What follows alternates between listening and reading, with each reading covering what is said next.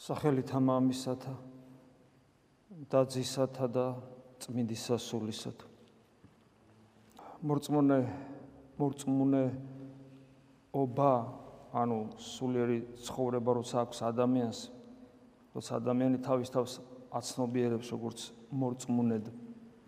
ეს ნიშნავს იმას რომ მას ტრანსცენდენტული ღმერთის სუბიექტური განცდა აქვს. ეს განცდა რომ არ არსებობდეს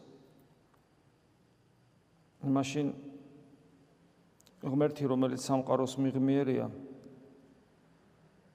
ჩვენთვის არი არსებებდა ისე როგორც იგი არ არსებობს ცხოველისთვის.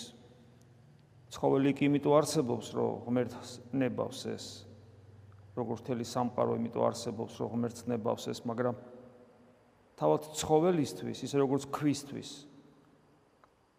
ღმერთი არ არსებობს მათ არ ცხოველს არც ქვას ღვთის შემეცნება არ შეუძლია.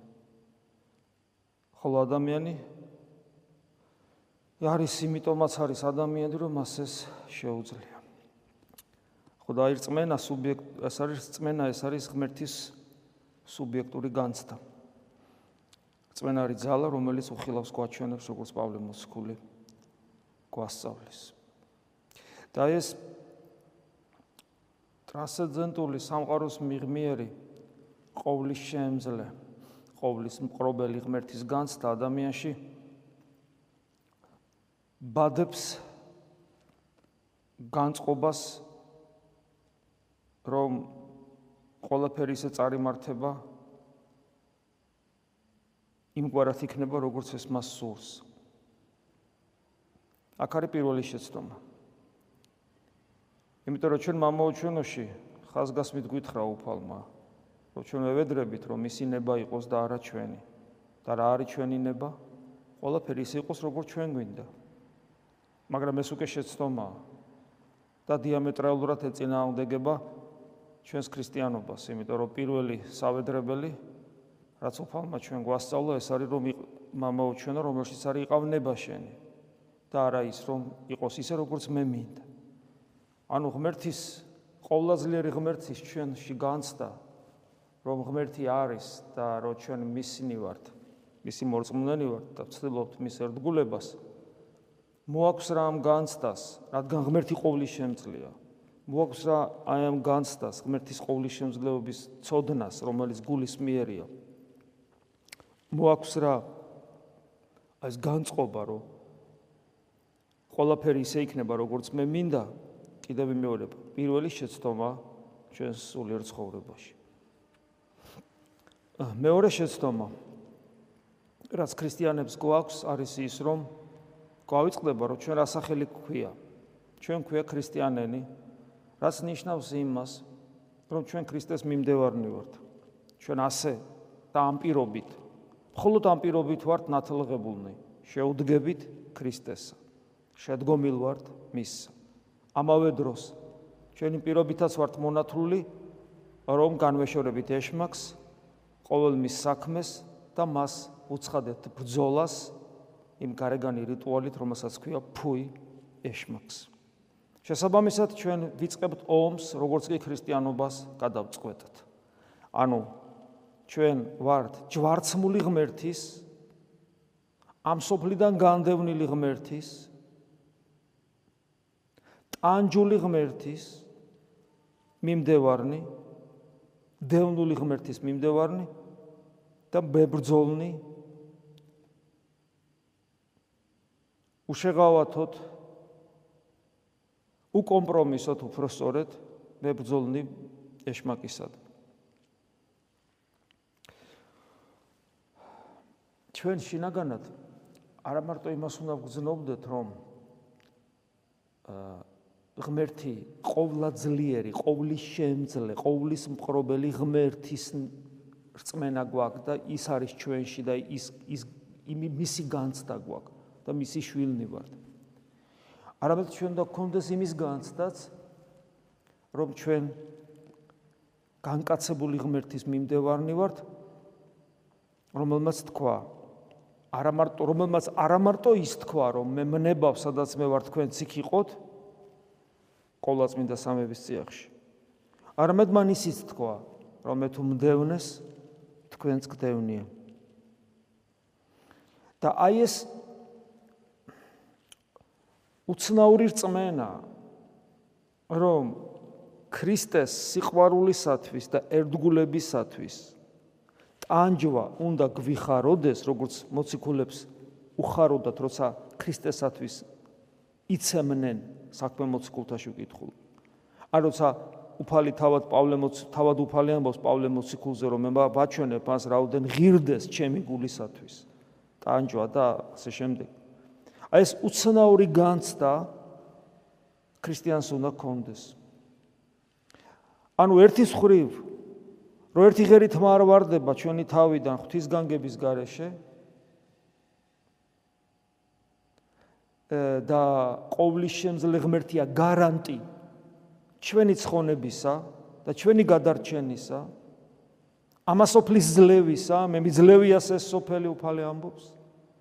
და მეორეს მხრივ ამასთან ერთად როგორც ანტინომიური წყვილი მაგრამ უცნაურად შეთავსებული თანაჰარმონიულად არსებულნი ჩვენში დევნული ჯვარცმული ამასოფლიდან განდევნილი ღმერთის მოწაფეობა, მიმდევრობა მის გზაზე სვლა. მე თუ მდევნეს, თქვენც გდევნია. და საოცარი ის არის, რომ ადამიანი ეს ირაციონალური ცოდნა, ზერაციონალური ეს ყველაფერი ეძლევა ადამიანს როგორც ზერაციონალური ცოდნა გულში და საოცარ სიმტკიცეს აძლევს ადამიანს ასეთი ადამიანის გატეხვა აბსოლუტურად შეუძლებელია. ჩვენ მოწამეთა ცხოვრებას რო ვკითხულობ, სწორედ ამას ვხედავთ. ვერაფრით ვერ ვერ გატეხეს მოწამენი. მოწამენი ვერაფრით ვერ გატეხეს ჯალათებმა. ქრისტეს ტრებმა.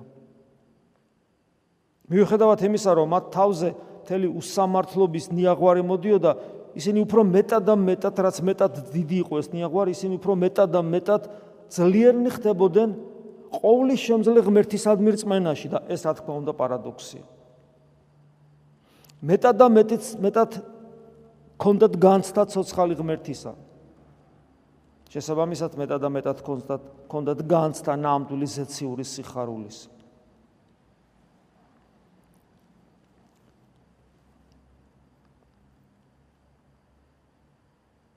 და ეს იმიტომ ხდება,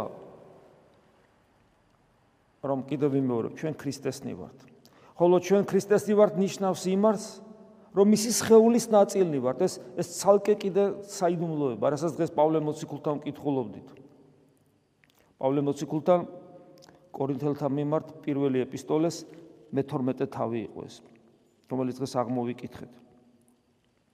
ოდესაც პავლე მოციქული ეკლესიას ეკლესიის სიმბოლოს წარმოაჩენს ორგანიზმს და თითოეული ჩვენგანი ამ ორგანიზმის რაღაც ნაწილია. ეს ნიშნავს იმას, ორ რამეს, ბევრ რამეს. იმასაც ნიშნავს, რომ თითოეულ ორგან თითოეულ ორგანოში ერთი სულია და ეს სული სული წმინდა ღმერთია. ეს ნიშნავს იმას, რომ ერთი სისხლია, ეს ქრისტეს სისხლია. ეს ნიშნავს იმას, რომ ერთი სხეული, სხეულის ერთი ნაწილი მეორესგან განუცალკევებელია და ეს ცალკე არ შეიძლება არსებობდეს, არამედ ეს ერთი მთლიანობა.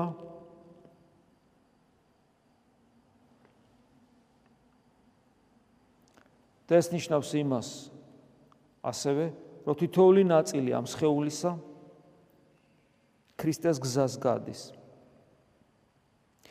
და აი ამ რთულ გზაზე, რომელიც ვიწრო და ეკლიანია, სხეულის არც ერთი ნაწილი მარტო არ არის. ის ყველა დანარჩენთან არის.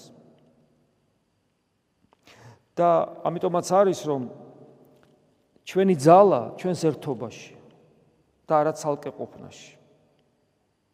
სხვაგვარად სხვადასხვა გვარად საუბრობთ ხოლმე ამ ერთობაზე. ერთ-ერთი სიტყვა, რომელიც ამ ერთობას ახასიათებს, ეს არის ადამიანის პიროვნული ოფიერება. პირო პიროვნება არ შეიძლება იყოს ცალკე. პიროვნულობა რეალი, როგორც მეტყველება რეალიზდება საზოგადოებაში და საზოგადოების გარეშე მეტყველება არ რეალიზდება და ადამიანი თუ მარტო გაიზარდა სადღაც ჯუნგლებში ის ლაპარაკს ვერასოდეს ვერ შეძლებს. კომუნიკაციას ადამიანებთან. ასევე პიროვნულობა, პიროვნულობა არ რეალიზდება მარტო ინდივიდუალურად. პიროვნულობა რეალიზდება სხვასთან ურთიერთობაში. და ყველაზე ძლიერად პიროვნულობა რეალიზდება ყოველ შემთხვევაში ყველა პირობა ამისათვის ქრისტეს ხეულში, როდესაც ჩვენი ერთობა არა უბრალოდ სოციალურია, არამედ საიდუმლოებრივია, არსობრივია, ონტოლოგიურია. აი როგორც ერთი ძირიდან ამოსული ხისტოტებნი ვართ. აი ესეც არის. აი ის ის არსობრივი ერთობა, ონტოლოგიური ერთობა, რაც ადამის ძირიდან ამოსულ კაცობრიობას რასაც ადამის ძირიდან ამოსული კაცობრიობა წარმოადგენს. ოღონ ამას კაცობრიობა ვერ გზნობს. ეკლესიაში ეს უნდა იგზნობოდეს.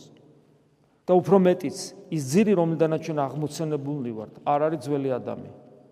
ის ახალი ადამია, ის იესო ქრისტეა. და ჩვენი ერთობა, ჩვენი ერთობა, პიროვნული ერთობა. ვლინდება ერთ-ერთი უმთავრესი რაშიც ვლინდება, ეს არის ლოცვა. ამიტომაც დღეს მათეს სახარებაში აღმოვიკითხეთ, სადაც 2 და 3 ჩემი სახელით შეიკრიბება უფალი ამბობს. და რასაც ითხოვენო, მე აღვასრულებო ამას. რატო? იმიტომ რომ ჩვენი ერთობა არის ქრისტეს მიერი.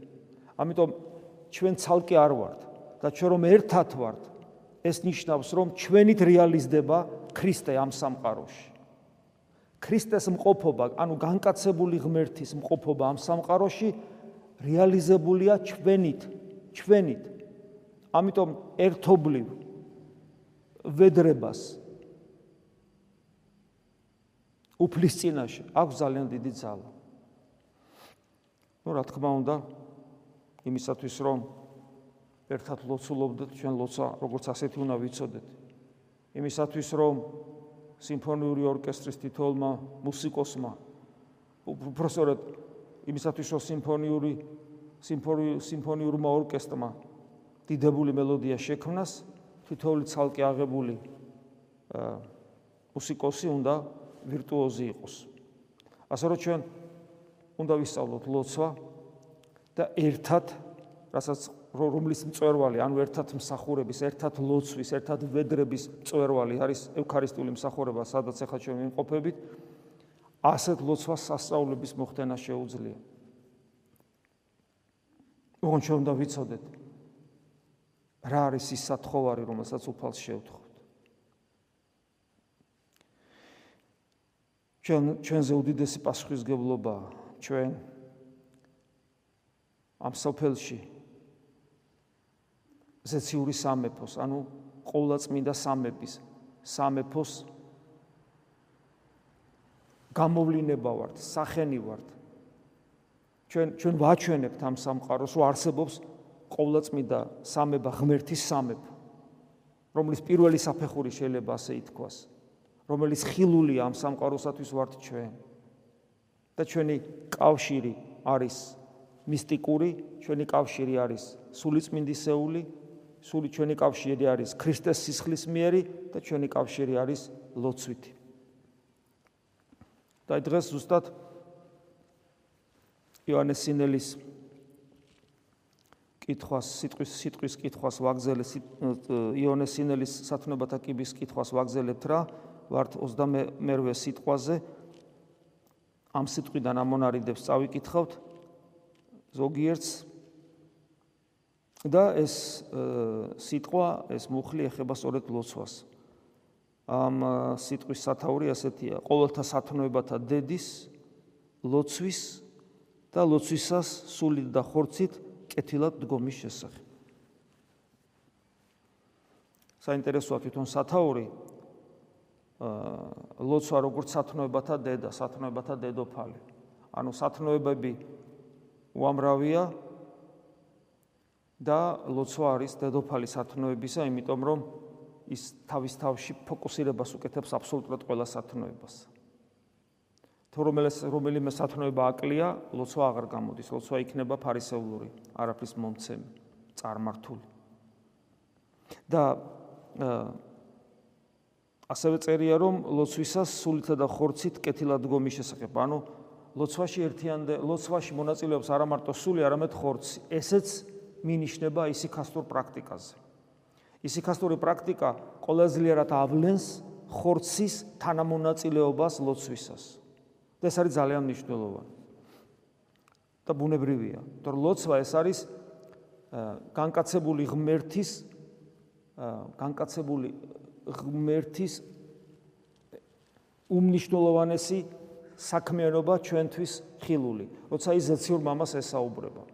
ყოვლადწმინდა სამების წიაღში მამას ძეს და სულიწმინდა ღმერთს მარადიული პიროვნული ურთიერთობა აქვს. მაგრამ ჩვენ ეს არ შეიძლება ვიცოდეთ, იმიტომ რომ ღმერთი სამყაროსათვის ერთია.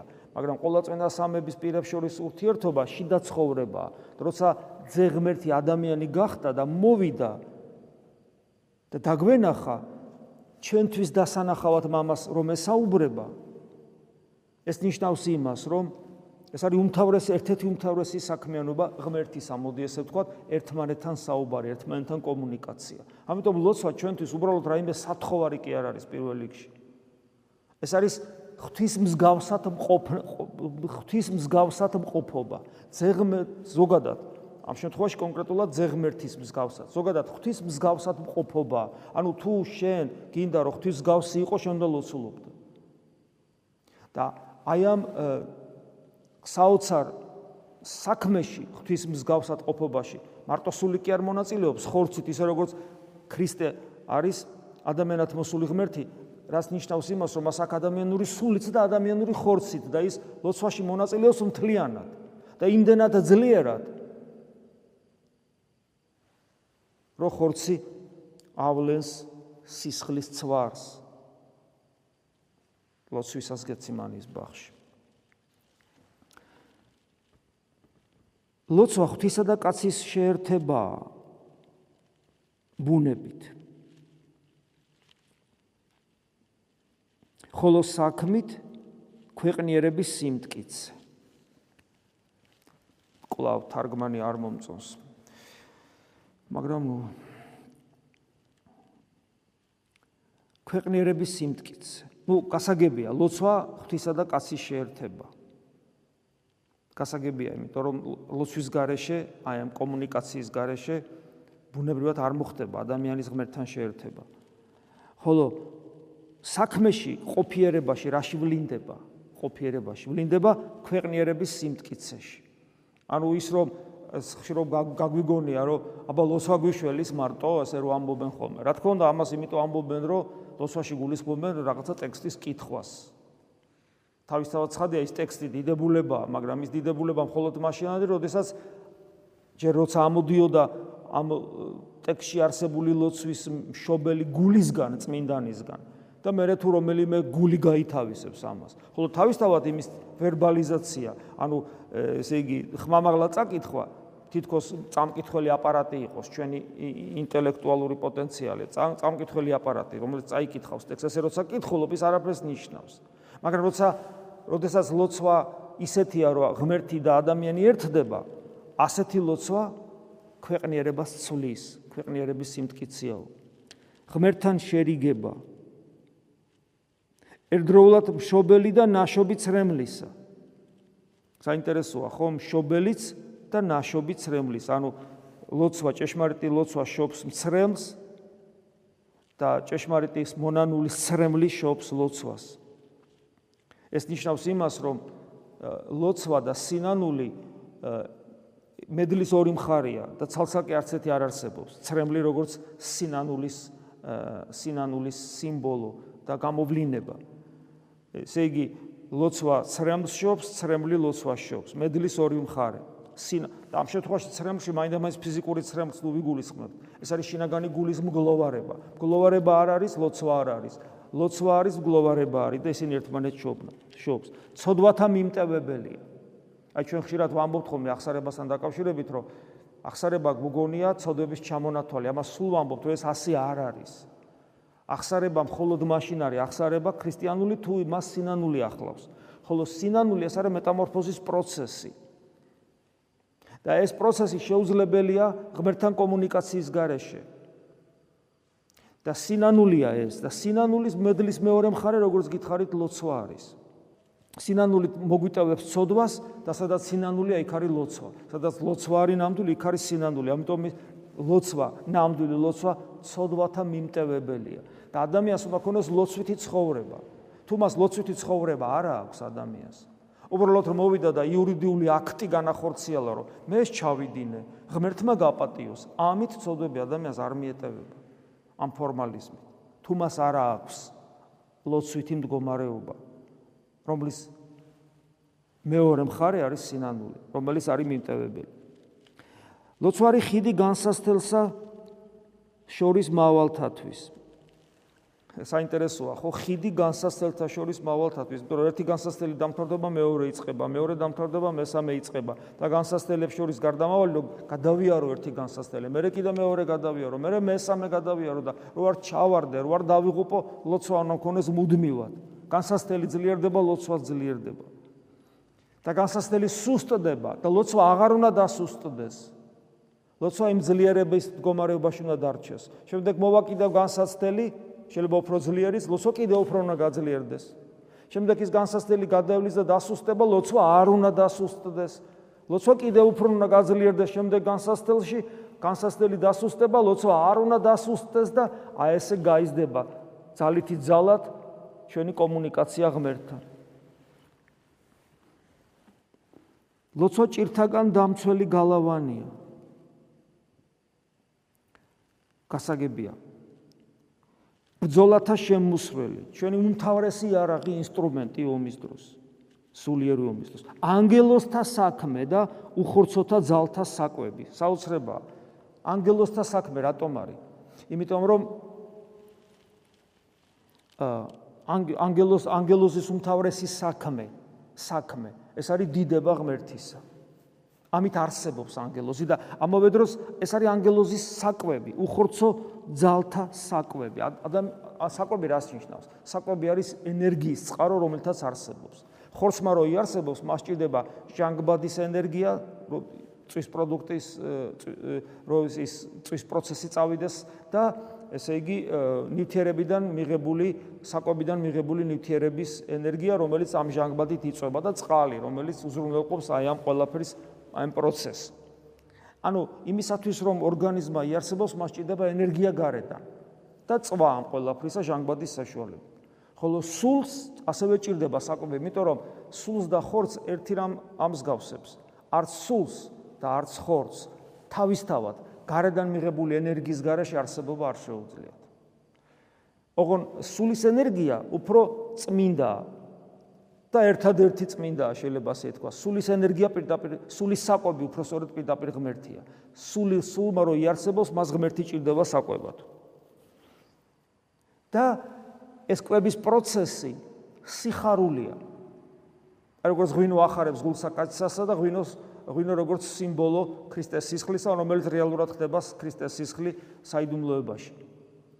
ანუ საფრთხო კვებას, როცა სული იკვებება ღმერთის ენერგიით, სული ხარობს და ბედნიერობს.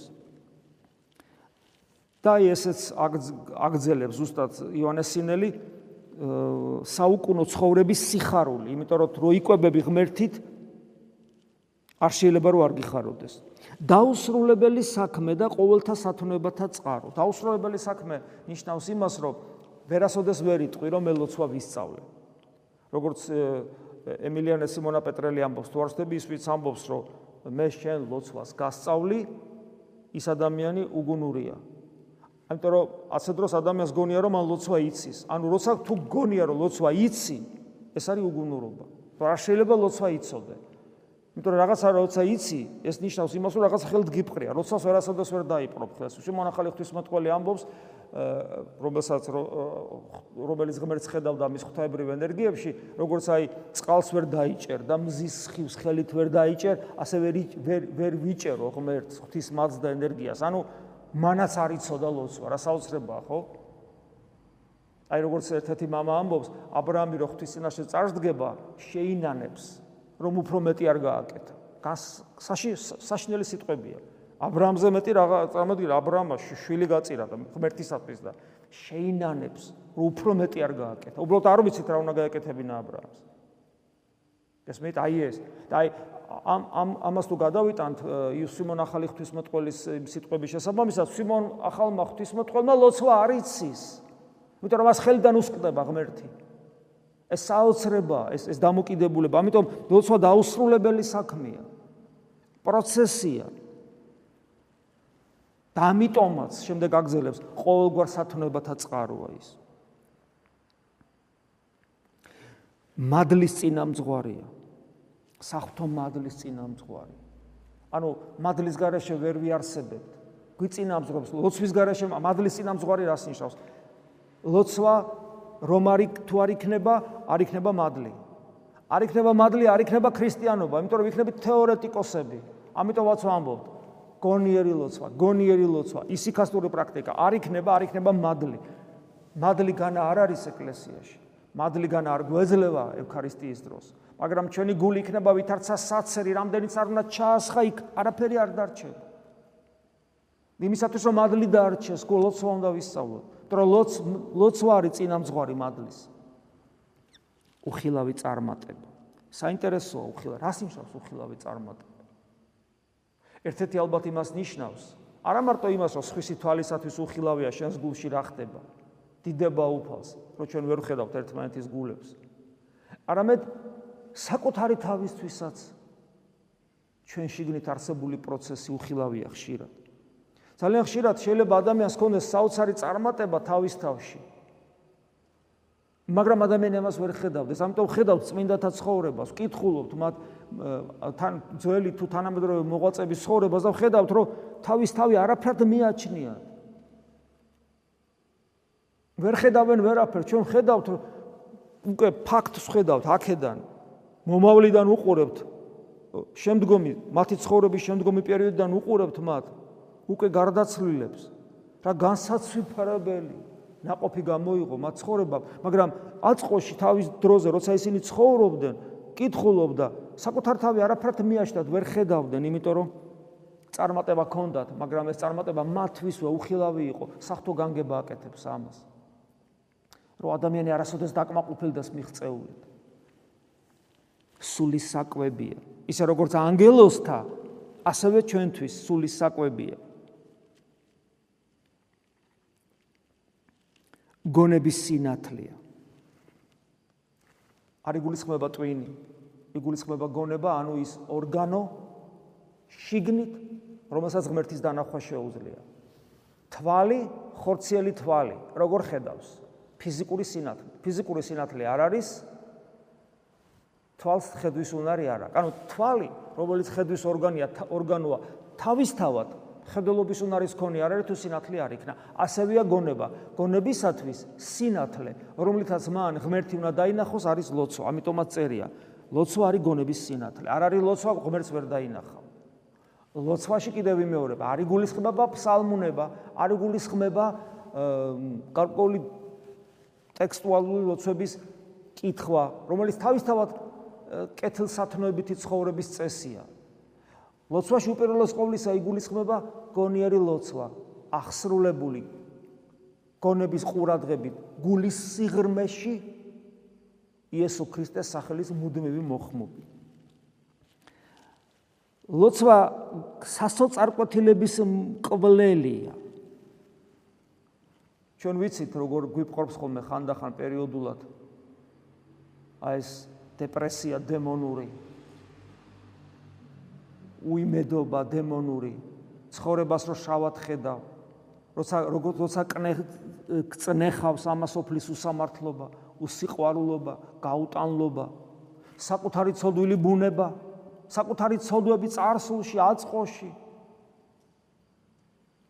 და როგორ როგორ ეს დემონური სასოწარკვეთილება, ეს დეპრესიული განწყობა, როგორ როგორ წნეხავს, როგორ როგორ სულს გვიხუთავს. აი ამ უბედურების მკვლელი არის ლოცვა. და იმედის მიზეზია. ეს რას ნიშნავს? იცით იმედის ლოცვა რო იმედის მიზეზია. რა საშნელ გარემოში წარ უნდა იყო? სადაც არაფერი სიკეთი არ ხდება ამ ცხოვრა, ეს ყველაზე ცუდი რო წარმოვიდგინოთ, რომ რაღაც ის წარიმართაც ჩვენი ცხოვრება, რომ გარშემო არაფერი კეთილი არ არის, არაფერი. სუ სუ სუ სულ სულ სამართლობა, სულ ბოროტება, სულ განსასწრელი, სულ ტკივილი, სულ სულ კატასტროფა, ყველაფერი. და თუ ადამიანს ლოცვა აქვს, მას იმედი არასოდეს არ მოაკლდება, იმიტომ რომ იმედის მიზეზი არის ლოცვა და არა რაღაც ამქვეყნიური კეთილდღეობა. წუხარების გამდევნელი არასოდეს არ ახარ მწუხარე. რატომ? იმიტომ რომ ჩვენი სიხარული არ არის ფსიქოსომატური მდგომარეობა. ჩვენი სიხარული ჩვენს გულში მადლის ყოფობა, ჩვენი სიხარული ჩვენს გულში ღმერთის ყოფობა, ხოლო ღმერთი ჩვენს გულში იმკვიდრებს ლოცვით. მონაზონთა სიმდიდრეა. მონაზონი უპოვარია პირდაპირ გაგებით. ხოლო ჩვენ არა ვართ რა მონაზნები, არსობრივად მონაზნები ვართ, იმიტომ რომ ჩვენ საკუთარ თავში განხოლოებული, განმარტოებული ღმერთს უნდა ვეძებდეთ. და ჩვენს უპოვარნი ვართ, იმიტომ რომ დიდარი ძნელად შევა სასუფეველში, აქლემი ფრადულად შეზრებაო ნემსის ხულში. ეს ჩვენ გვეხება და რა სიმდიდრეზეა საუბარი? არა ფულის ერთეულზე, არამედ იმაზე, რაც ჩვენ ჩვენად მიგვაჩნია. რომელიც რომელიც ჩვენს ეგოიზმს, ჩვენს ანგარებას, ჩვენ ჩვენს პატივმოყარეობას, ჩვენს თავდაჯერებულობას, ჩვენს სხვებზე უპირატესობის შეგზნებას კვებავს. ეს არის სიმდიდრე და სინამდვილეში ეს ყველაფერი უნდა უარყოთ და ჩვენი სიმდიდრე უნდა იყოს ლოცვა, ანუ უფალთან კომუნიკაციის მუდმივი მცდელობა. ეს არის მთავარი სიმდიდრე ქრისტიანის. დაყუდებულთა საუნჯე. საუნჯე განზია, დაყუდებული თავის გულში ღვთისმაძიებელია. და ჩვენი ვაჭარს უნდა გავდეთ, რომელიც ყველაფერს ტოვებს, რომ ძვირფასი ყველაფერს გაყიდის, რომ ძვირფასი მარგალიტი იყიდოს და ყველაფერს გაყიდის, რომ აგარაკი იყიდოს, რომელსაც განზია დაფლული გახდოთ, გახსოვთ ეს იგავური სახეები. ჩვენ ყველაფერი უნდა გავაკეთოთ იმისათვის, რომ ჩვენს გულში ლოცვა მოვიპოვოთ, იმიტომ რომ ეს ამას ძვირფასი განზი არ არსებობს ადამიანისათვის. მრისხანების განმაქარვებელი მრისხანობა, რომელიც ასე ავიძაღლივით ჩვენ მოგვდევს. ჩვენ კი ხებს დაუცოფავთ ხოლმე, მაგრამ სინამდვილეში მრისხანება ჩვენ მოგვდევს და ჩვენ განადგურებს. და ის განაქარებს ამ მრისხანებას და სიმხნის მასწავლებელი. რა სიტყვა სიმხნის სიმხნევის უნდა ეწეროს. ანუ ადამიანს მხნეობა უნდა ქონოს ჩვენ ვარ მეომარნი ქრისტესი და ჩვენ არ გვეკადრება წუწუნით რტვინვა მოწყენილობა დეპრესიულობა შიში შიშრობა. ხვალინდელი დღეშიში არ გვეპატიება. ეს ჩვენი ქრისტე როგორც ქრისტიანების ღირსების შემლახველია და იმისათვის ჩვენ რო გქონდეს აი ეს მხნეობა უნდა ვისწავლოთ ეს ხნეობა და ამ ხნეობის მასწავლებელი არის სწორედ ლოცვა. განსაკუთრებულად, რა თქმა უნდა და ისიქასტური პრაქტიკა, რომლის სწავლასაც თავისთავად ჭირდება დიდი ნებისყოფა და დიდი ბრძოლის უნარი, მეომრული აღტკინება და ჟინი. სხვანაირად ისიქასტური პრაქტიკა უბრალოდ არის სწავლება.